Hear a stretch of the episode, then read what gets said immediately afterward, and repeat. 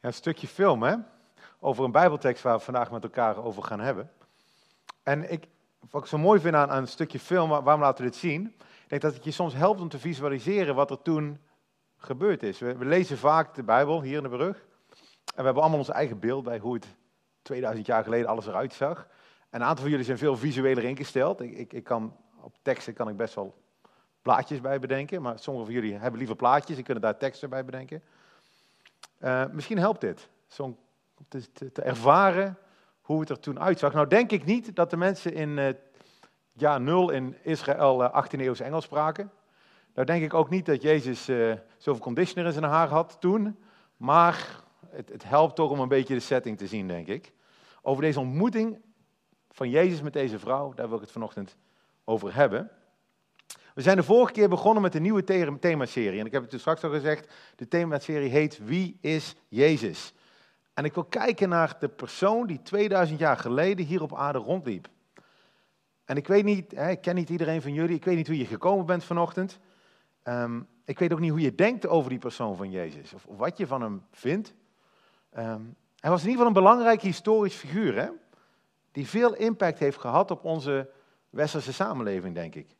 Onze jaartelling, we leven nu in het jaar 2018, na Christus, of eigenlijk in het, in het jaar van Christus, anno domini. Maar wie was hij nou? Heel veel mensen die, die denken van, oh dat was een wijs man.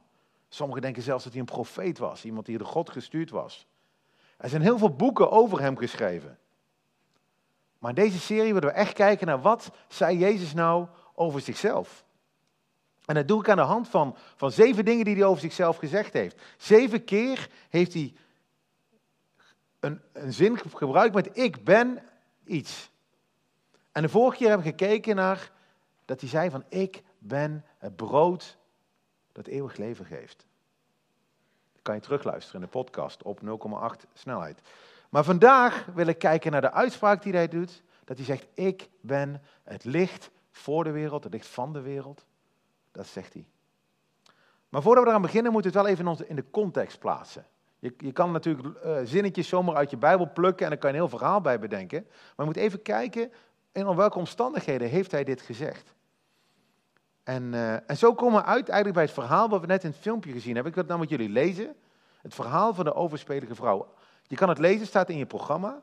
En de Bijbels op tafel, als je zelf geen Bijbel hebt, neem die vooral mee. Hè, daarom liggen ze daar. Je mag erin kijken, maar je mag ze ook naar huis nemen. Het zijn geen Ikea-potloodjes die je terug moet brengen. Dus neem ze vooral mee. Pagina 195 uh, zijn we in die Bijbel. En het, het is vooral opgeschreven door Johannes. En Johannes is een vriend van Jezus. En Johannes schrijft dit. Hij zegt, Jezus echter ging naar de Olijfberg. En s'morgens vroeg kwam hij opnieuw in de tempel... En al het volk kwam naar hem toe. En hij ging zitten en hij onderwees hen. Dat zagen we net ook in de video. En de schriftgeleerden en de fariseeën brachten een vrouw bij hem die op overspel betrapt was. En toen ze haar in het midden hadden doen staan, zeiden ze tegen hem: Meester, deze vrouw is op heterdaad betrapt bij het plegen van overspel. In de wet nu heeft Mozes ons geboden zulke vrouwen te stenigen. U dan, wat zegt u? En dit zeiden ze om hem te verzoeken, omdat ze iets hadden om hem aan te klagen. Dit is heel interessant, hè? Jezus bevindt zich daar in die tempel, die zit mensen te onderwijzen. En er komt een groep religieuze mensen aan. En die vinden dat eigenlijk maar niks. Ze vinden het maar niks. Dat, Jezus, die doet wonderen, dat is echt niet leuk. Hij, doet, hij zegt rare dingen. Hij zegt dat hij God is. Dat God zijn vader is. Dat hij de zoon van God is. Allemaal van die statements waar ze eigenlijk helemaal niks mee kunnen. Hij zegt dat hij brood van het leven is, dat hij heel uniek is in de wereldgeschiedenis. En daarmee zet Jezus zich eigenlijk op hetzelfde niveau als God. En om hem te pakken, denken ze: hé, hey, we, we brengen een vrouw naar hem toe en we laten hem kiezen. En hij moet kiezen tussen de wet, de wet van Mozes, of genade, namelijk deze vrouw vrij uit laten gaan.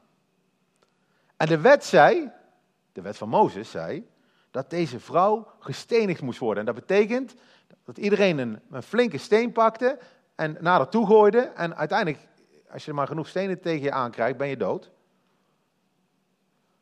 Of Jezus moest een schuldig iemand, want ze had haar betrapt, gewoon laten gaan.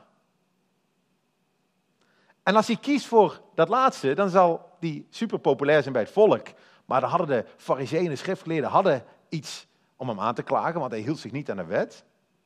En als hij koos voor de wet, dan zou het volk, denk ik, zou hij niet meer zo populair zijn met zijn onderwijs.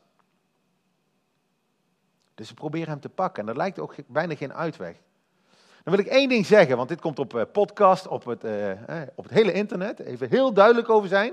Ik wil het vanochtend niet hebben over de doodstraf. Ik wil het ook niet hebben over steniging. Dat is een hele interessante discussie die we vooral met een uh, drankje erbij kunnen hebben. Maar even voor de hele duidelijkheid. Ik ben geen voorstander van steniging. Ik denk niet dat dat een, een geschikte straf is voor iemand die overspel gepleegd heeft. Ik ben ook geen voorstander om die straf in te gaan voeren in Nederland. Er zijn mensen die dat wel willen. Ik ben daarop tegen. En om helemaal compleet te zijn, ik ben ook geen voorstander van overspel. Dan weten we dat. Hè? Dat is in ieder geval heel duidelijk waar ik sta in het spectrum. Terug naar het verhaal. Wat zegt u, vragen de mensen aan Jezus. Wat zegt u nou? Dan denk je, nou, Jezus had heel veel kunnen zeggen. Hij had kunnen zeggen, weet je, de overheid bepaalt of iemand gestenigd moet worden. Niet ik. Niet jullie. Dan moet je naar een rechter toe en dan heb je een proces en dan heb je getuigen. En, en, en, en dan kan iemand misschien gestenigd worden.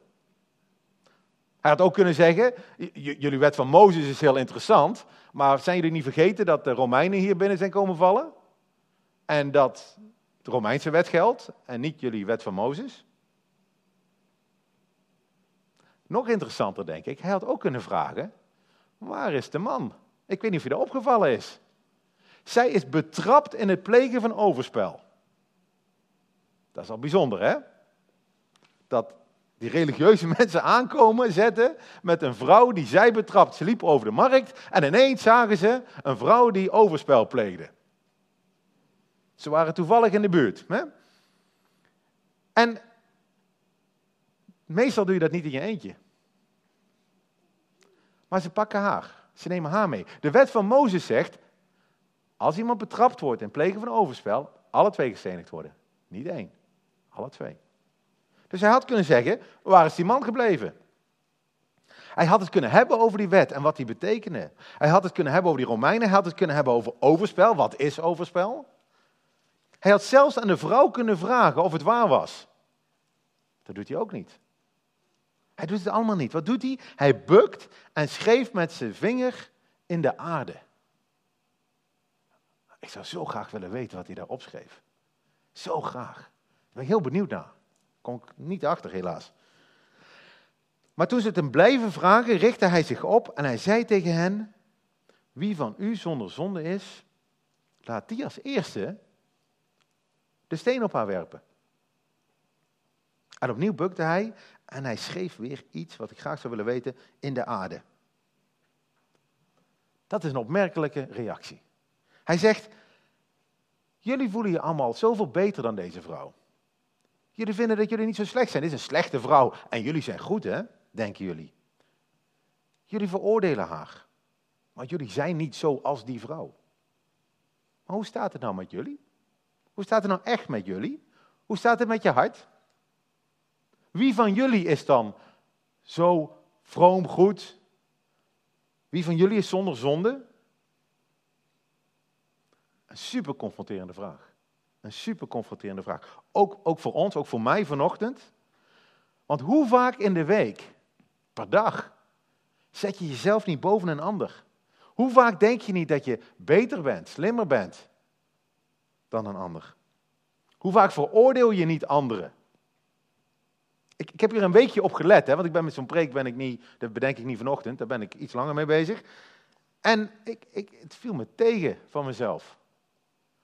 Ehm, vooral als ik de krant opensla, merk ik. Als ik de krant opensla, denk ik, oh, wat een domme dingen doen mensen toch. Echt waar. En, en mensen doen domme dingen, dat is verschrikkelijk. Maar nog veel erger, als ik door Eindhoven rijd in de auto. En dan zie ik al die onbenullige chauffeurs. Waar zijn die mensen mee? Hebben die überhaupt een rijbewijs, die mensen? Vraag ik me af. Er rijden zoveel mensen in Eindhoven. Ik rij veel beter. Het zijn allemaal mensen die, allemaal een mobieltje en rijden tegelijk. Je ziet ze slingeren over de weg. Dat doe ik nooit. Nooit. Tenzij ik goede reden heb. Maar anders doe ik het echt nooit. En dan komt die vraag van Jezus: van, hoe staat dat met jou, Maarten? Of vul je naam in. Hoe staat het nou echt met jou? Doe, doe, jij nooit domme dingen? Hoe zou het zijn, Maarten, als we deze zondag in plaats van een filmpje over een overspelige vrouw, een mooi filmpje laten zien? Van jouw gedachten van de afgelopen week, dag. Even een leuk filmpje, de gedachten van Maarten. Alles wat door mijn hoofd is gegaan. Alle woorden die ik had willen zeggen, maar misschien nog net op tijd heb ingeslikt omdat mijn kinderen erbij waren. Alles wat ik anderen had aan willen doen deze week. Alle lust, alle boosheid, die me allemaal deze week geconfronteerd heb. Zou ik me op dat moment dan, als jullie allemaal dat filmpje gezien hebben, zou ik me dan zoveel beter voelen dan die onbenullige chauffeurs in Eindhoven? Zou ik überhaupt hier blijven om dat videootje te blijven kijken? Ik vind het al lastig dat er momenteel een videootje van mij op internet staat. Laat staan een videootje waarin al mijn gedachten staan. Ik denk dat ik zou wegrennen en ik denk niet dat ik hier eh, zou staan zoals ik nu sta. Als jullie al mijn gedachten van de afgelopen week op een scherm zouden kunnen zien. De boodschap komt aan, hè? Bij de mensen die daar staan. Ze hoorden dit. Toen ze dit hoorden en hun geweten overtuigd waren, gingen ze weg. De een na de ander. Te beginnen bij de oudste tot de laatste. En Jezus werd alleen achtergelaten en de vrouw die in het midden stond. Dat kan natuurlijk niet, hè? Je kan niet alleen zijn en in het midden staan. Ik of dat is opvallen. Maar goed. De oudste, de wijze mensen, de mensen die de meeste levenservaring hebben, de mensen die als ze terugkijken naar hun leven toch wel zien dat er genoeg momenten zijn waar ze zich voor schamen, of momenten zijn waar ze zich misschien toch geen haar beter waren, die zijn overtuigd. Hun geweten is overtuigd, staat er. Ze vertrekken. Ze laten de grote steen die ze in hun hand hebben laten vallen op de grond. Nou, jonge mensen vinden dat moeilijker. Jonge mensen, welkom vanochtend bij de brug. Jullie vinden dat moeilijker. Toen ik twintig was, dacht ik dat ik veel slimmer was dan dat ik nu denk. Misschien was ik ook wel slimmer. Ik betwijfel het. Maar soms als je jong bent, denk je, oh, ik, kan de wereld aan. Ik, ik, heb je nog een, een, een vrij positief beeld over jezelf? Uh, als je wat ouder wordt en wijzer en uh, meer ervaart in je leven, kom je erachter dat het uh, toch wel soms tegenvalt. Maar ook die mensen, ook die jonge gasten vertrekken op een gegeven moment. En Jezus blijft achter met de vrouw en ik denk met de oorspronkelijke toehoorders. De fariseeën zijn vertrokken. En hij richt zich op en toen hij niemand zag dan de vrouw, zei hij tegen haar, vrouw, waar zijn die aanklagers van u? Heeft niemand u veroordeeld? En ze zei, niemand, Heer. En Jezus zei tegen haar, ook ik veroordeel u niet. Ga heen en zondig niet meer. Die vrouw, valt ze op haar knieën om vergeving te vragen van Jezus? Volgens mij niet. Verdient ze straf omdat ze met een ander naar bed is gegaan? Daar kan je van mening over verschillen, maar als het jouw man is waar ze mee naar bed is gegaan, dan denk ik dat je daar wel een mening over hebt. Maar Jezus veroordeelt haar niet, hè?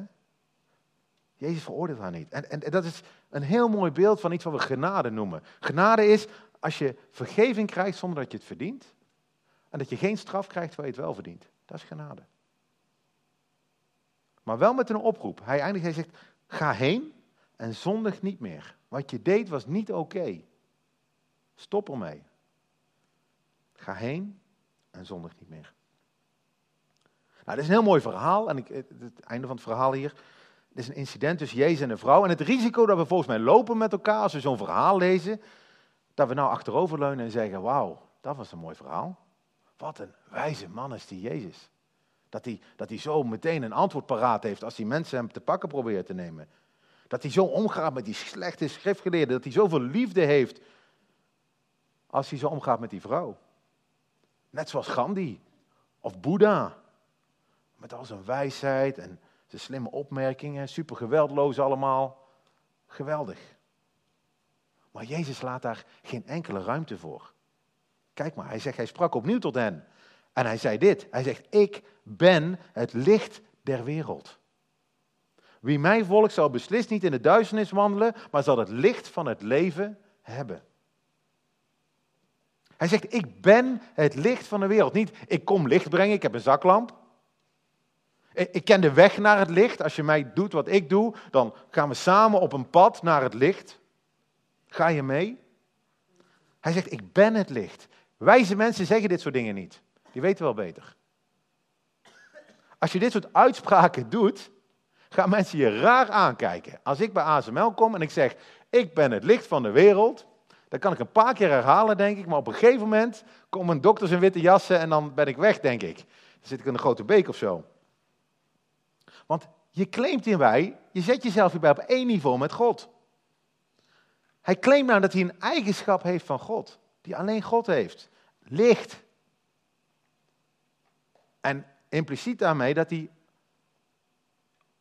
ook alwetend is. ga ik zo meteen uitleggen. God is alwetend. God weet alles over je. Als je daar lang genoeg over nadenkt, ik heb er gisteren vijf minuten over nagedacht, dan wordt het al best benauwend als je daarover nadenkt, als je eerlijk bent. Dat God alles weet. Er is niks in je leven wat verstopt is van God. Helemaal niks. Je hebt geen geheimen voor God, dat denk je misschien wel, maar je hebt ze niet. Zelfs de duisternis is licht voor God, staat in de psalmen. Hij ziet alles. En, en daar claimt Jezus hier. Ik ben licht, ik zie alles. Weet je dat filmpje wat ik niet wilde laten zien vanochtend van mijn gedachten van de afgelopen wereld? Van de afgelopen week. Dat kan God zo maken, dat filmpje. Sterker nog, hij heeft dat filmpje gewoon gezien de afgelopen week. Hij ziet dagelijks alles van mij.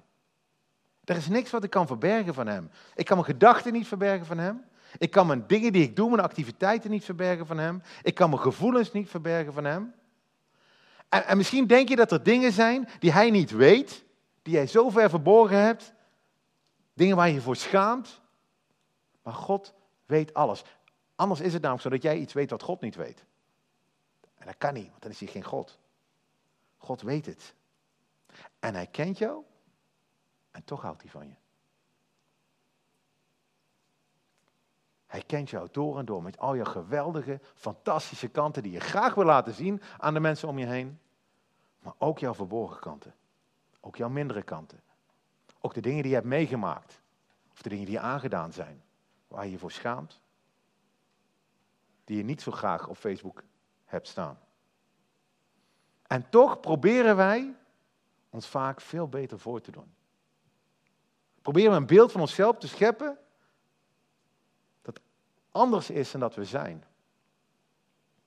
Verstoppen we dingen in ons leven? Hebben we geheimen? Maar geheimen zijn werken van de duisternis. Geheimen gaan een eigen leven leiden. Want weet je, als je je anders voordoet dan je bent, zal je altijd op je tenen moeten lopen. Zal je altijd moeten opletten van, oeps, moet uitkijken dat niet mijn ware ik naar boven komt.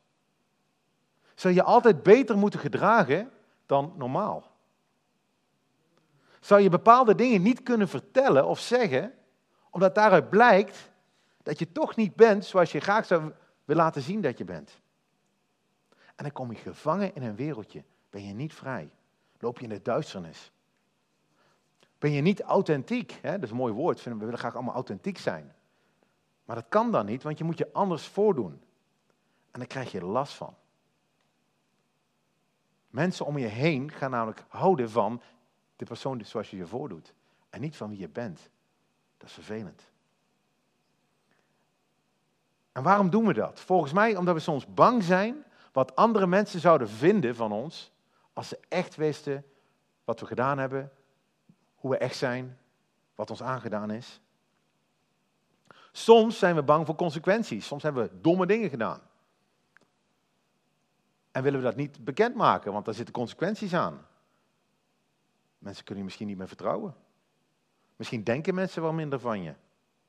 Als het heel erg is, kan je misschien zelfs je baan verliezen. Of naar de gevangenis toe voor dingen die je gedaan hebt. En dus verstoppen we het. En dat doen we allemaal wandelen we in de duisternis in de hoop dat nooit iemand ons geheim ontdekt. En ook in de kerk hebben we dat. Juist misschien in de kerk, dat mensen zich vromer proberen voor te doen dan dat ze zijn. Kijk eens naar mij, ik zit op de eerste rij in de kerk op zondag, ik bid iedere dag, ik lees mijn bijbeltje. Ja, geweldig jongens. Zelfs mijn dochter zit hier. En, maar dat is nergens voor nodig, hè? juist niet in een kerk. God kent ons door en door.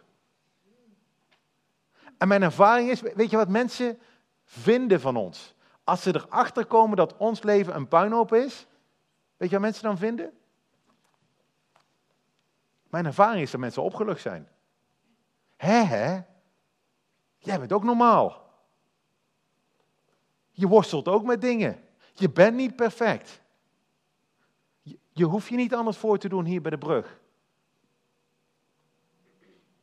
Weet je, onze kinderen hebben we altijd verteld. Altijd verteld. Geen geheimen voor elkaar. Geen. Omdat geheimen afstand creëren. Geheimen zorgen voor scheiding. En dat wil ik niet. Ik wil de vrijheid thuis hebben om alles te bespreken. En ik wil dat mijn kinderen het ook ervaren, dat ze alles kunnen bespreken thuis. Ik wil dat ze ervaren dat onze liefde voor hen niet afhangt van wat ze doen of wat ze aangedaan is. Geen geheimen. Af en toe hebben we een verrassing, hè? We hebben wel verrassingen. Wat mama op de verjaardag krijgt is een verrassing. Maar het is geen geheim. Iets positiefs. Een verrassing. Maar geen geheimen en zeker niet met andere mensen. Ik hou er helemaal niet van, als, eh, soms werk je op school of leraar, weet ik wat, die geheimen, die hebben niet, geen geheimen. En dat is ook Jezus' uitnodiging hier. Geen geheimen. Wandel in het licht. Breng je geheimen in het licht. Breng ze bij Jezus, breng ze bij God. Weet je, licht heeft een heel bijzondere eigenschap. Een heel mooie eigenschap. Licht wint altijd van de duisternis. Als je je deur open doet en het is donker buiten, gebeurt er niks binnen. Misschien wordt het koud, maar het wordt niet donkerder binnen. Maar als je in een donkere ruimte zit en je doet de deur open en het is licht buiten, dan vliegt dat licht binnen. Licht overwint de duisternis, licht overwint het kwaad, licht dringt door. En dat zegt Jezus hier. Hij zegt, volg mij. Wandel niet langer in de duisternis, maar wandel in mijn licht. Ik weet alles van je. Verstop je nou niet in die duisternis. Laat mijn licht schijnen in die duisternis. Laat mijn licht schijnen, in die dingen waar je je voor schaamt. Laat mijn licht schijnen in die dingen die je probeert te verbergen. Weet je, als je geheimen hebt, als je, als je dingen hebt die je liever niet met anderen deelt, als je in angst leeft dat er een dag komt dat mensen erachter komen wie je echt bent, dan eindigt dat altijd op een van drie manieren volgens mij. En de, de eerste en voor mij de beste, en die wil ik ook aanraden vanochtend, is dat je jezelf in het licht brengt. Door naar God te gaan. Je hoeft het niet hier op een podium te doen met, met 50 man. Naar God te gaan. Door Hem te vertellen, dit is er gebeurd. Dit heb ik gedaan. Zo probeer ik me voor te doen, maar zo ben ik niet. Hier schaam ik me voor. En dat noemen we beleiden. Ik weet niet of je het woord wel eens gehoord beleiden. Dat je dingen tegen God erkent, dat, dat het zo is. En ik ga je niet beloven dat dat gemakkelijk is. Ik heb er vaak genoeg bij gezeten, ook bij anderen, of bij mezelf. Dit is niet makkelijk. Ik ga je ook niet vertellen dat het geen enkele consequentie heeft als je dit doet. Dit kan pijnlijk zijn. Dit kan verdrietig zijn. En ik weet één ding zeker, dit is vaak heel beschamend. Zijn met schaamrood op je kaken. En dan denk je, hoe had ik ooit zo stom kunnen zijn? Maar het zet je vrij. Het zet je vrij. En God belooft dat als je dit doet, dat Hij je vergeeft. Ergens anders schrijft diezelfde vriend van Jezus, diezelfde Johannes schrijft dit. Als we in het licht wandelen zoals God, Jezus, in het licht is, hebben we gemeenschap met elkaar en het bloed van Christus, zijn zoon, reinigt ons van alle zonde. Als we zeggen dat we geen zonde hebben, dus misschien kom je vandaag en denk je, oh, ik zit helemaal prima in elkaar. Als je zegt dat je geen zonde hebt, misleiden we onszelf en is de waarheid niet in ons. Keihard statement. Dan lieg je. Maar als we onze zonde beleiden, hij is getrouw, hij is rechtvaardig om ons de zonde te vergeven en ons te reinigen van alle ongerechtigheid. Weet je, God is niet verrast, hè? Dat denken wij soms. Als we naar God toe gaan, God, ik heb dit gedaan. als, als, als vader zelfs, als mijn kinderen vaak naar me toe komen, dit is er gebeurd. Dit heb ben ik vaak niet verrast. Ik ken ze. En God heeft het gezien. Hij zal blij zijn dat je naar hem toe komt. En hij zal je schoonmaken, reinigen van alles wat je gedaan hebt en wat jou aangedaan is. Dat belooft hij. Dit is niet de gemakkelijkste weg, hè? Maar dit is de weg die God je geeft, zodat je niet hoeft te dragen wat je nu met je meedraagt. In het licht te wandelen. Ik, ik weet niet, hè, afgelopen week was er een artikel in de krant. Was super interessant. Ik weet niet of iemand het gelezen heeft. Het ging over een man. Die heeft iemand 25 jaar geleden heeft iemand vermoord. Dat is best heftig. Een roofmoord had geld nodig. Het verhaal, de details ken ik niet. En hij was ermee weggekomen. Politie had hem niet te pakken, niemand had het door. Ik, ik weet niet wie die beroofde, misschien was waarschijnlijk niet de president van Amerika. Maar dus de politie op een gegeven moment gestopt. En hij zegt in dit artikel dat zijn leven een hel was. Dat hij geen leven meer had. Hij leefde in de duisternis, hij leefde in de angst dat hij gepakt zou worden. En uiteindelijk heeft hij dus afgelopen week de krant of het nieuws gebeld. Hij zegt, ik moet iets vertellen. En heeft gewoon op nationale tv in Amerika verteld dat hij iemand vermoord heeft. En daarna is hij naar het politiebureau gelopen en heeft het verhaal nog een keer gedaan. En ik denk dat hij daar nog zit. Het heeft wel consequenties. Maar hij zei dat hij vrij was, omdat hij het nu in het licht gebracht had. Hij heeft zoveel jaar, 25 jaar lang, heeft hij met dit grote geheim rondgelopen in de duisternis. En zijn leven was een hel. Breng het in het licht. Er zijn twee andere opties die kunnen gebeuren. Als je hier niet voor kiest, dan kan je ook betrapt worden. Dan kan je op wachten. Zoals die overspelige vrouw, hè? Ze ging niet eerst naar huis om na te denken, wat heb ik nu gedaan? Oh, dat had ik niet moeten doen, die man die was toch van een ander, oeps. En uh, nee, dat gebeurde niet, ze werd betrapt. Weet je, er zijn maar heel weinig geheimen die je voor je kan houden. Er zijn maar heel weinig geheimen die je zo lang vol kan houden dat je niet betrapt wordt. En je bent ook kwetsbaar hè, als je geheimen hebt. Als je naar al die televisieseries kijkt, maar ook als je ziet hoe mensen ook vandaag de dag op een computer vaak ook nog eens ge, afgeperst worden. Dat is vaak omdat ze geheimen hebben. Ze gingen naar die website waar ze zich voor schamen en iemand anders pakte de computer over. En nu is die gelokt en moet iemand 500 euro betalen om die computer weer te unlocken. Gebeurt. En dan betalen ze liever die 500 euro dan dat ze toegeven dat ze op de foute website zaten. En naar de politie gaan om die mensen aan te pakken. Je bent kwetsbaar. En je zal dingen moeten verzinnen. Ik was vroeger best wel goed om een, om een leugentje te vertellen. Dus kwam ik wat iets beter uit de bus. Daar was best goed in.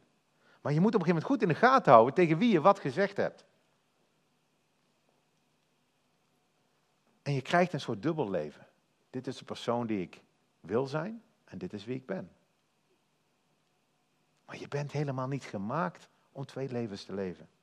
Dat is veel te zwaar. Dat lukt je niet. En het leidt tot meer duisternis, vaak leugen op leugen op leugen om die oorspronkelijke leugen te bewaren. En er komt een dag dat je betrapt wordt. En dan? Vaak is de ellende dan groter dan dat je er nu mee naar, naar buiten komt. Omdat als je betrapt wordt, het ook iets zegt. Mensen zullen in ieder geval conclusies trekken over je karakter. Over hoe eerlijk je bent. En het vertrouwen is totaal weg. Er is echt een groot verschil tussen dat je, zoals die overspelige vrouw, dat je tegen je vrouw zegt dat je vreemd bent gegaan, of dat ze jou betrapt met een ander. Dat zijn twee verschillende dingen. Het derde wat kan gebeuren, is dat God je laat denken dat je ermee weggekomen bent. En dat lijkt heel fijn. Dat lijkt geweldig. Maar het is verschrikkelijk. In de Bijbel noemt God dit dat hij jou overlevert aan jouw zonde. Jij kiest om in de duisternis te wandelen en God zegt, prima, ik respecteer jouw keuze. Ik ben het licht, ik bied het aan, maar als jij in de duisternis wil wandelen, is fijn. En laat me met jou pleiten vanochtend. Kies deze weg niet. God is licht, hij weet alles van je, hij ziet alles. En je bent er niet mee weggekomen. Jezus zegt hier, ik ben het licht. Het licht niet, niet voor de Joden toen, niet voor die ene vrouw toen. Het licht voor de wereld, de kosmos staat er, het heelal. Voor iedereen. Voor ons allemaal. En hij belooft, als je hem volgt, als je mij volgt, zegt Jezus, dan zul je niet in duisternis wandelen, maar zal je het licht in je leven hebben. Het, het, het Zoe-leven waar we vorige keer over gehad hebben. Het eeuwig leven. En je zal dat licht zelfs hebben. En met dat licht, is mijn ervaring, gaat een wereld voor je open. Leer je God niet alleen met je hoofd kennen. God bestaat, want... Maar met je hart. God bestaat. Ik ken hem. Met dat licht verander je. Ga je meer op Jezus lijken. Komt de Bijbel tot leven. Ga je stapje voor stapje beter begrijpen wie God is, wat hij voor je gedaan heeft. Hoeveel hij van je houdt. En kan je dat ook echt in je hart ervaren. Het licht overwint de duisternis. Het verandert je van binnenuit. En dat cadeau komt Jezus brengen. Wat is dan de reactie? Nog een paar zinnen. De fariseeën, blijven zijn ze weer terug, zeiden tegen hem, u getuigt van uzelf, uw getuigenis is niet waar. Dat moet je even voorstellen. Hè? Ik vind het prima als je na de dienst naar me toe komt en zegt, Maarten, ik vind jouw grapjes flauw. Maarten, ik ben niet meer eens met wat je zegt. Maarten, kan je eens geen voorbeelden van je kinderen pakken? Dat vinden ze vervelend als ze op de voorste rij zitten. Daar kun je het gewoon over hebben, hè? Maar als je naar me toe komt met je vinger van jij liegt, dan hebben we een heel ander gesprek. Dan hebben we een heel ander gesprek. Dat zeggen ze hier. Jezus, jij liegt. Een super heftige reactie op die paar woorden van Jezus. Weet je waarom? Omdat de mensen snapten dat Jezus claimde dat hij God was. Dat hij zonde kon vergeven, dat hij licht roept. Mensen blijven niet neutraal als ze de naam van Jezus horen. Ook jij niet.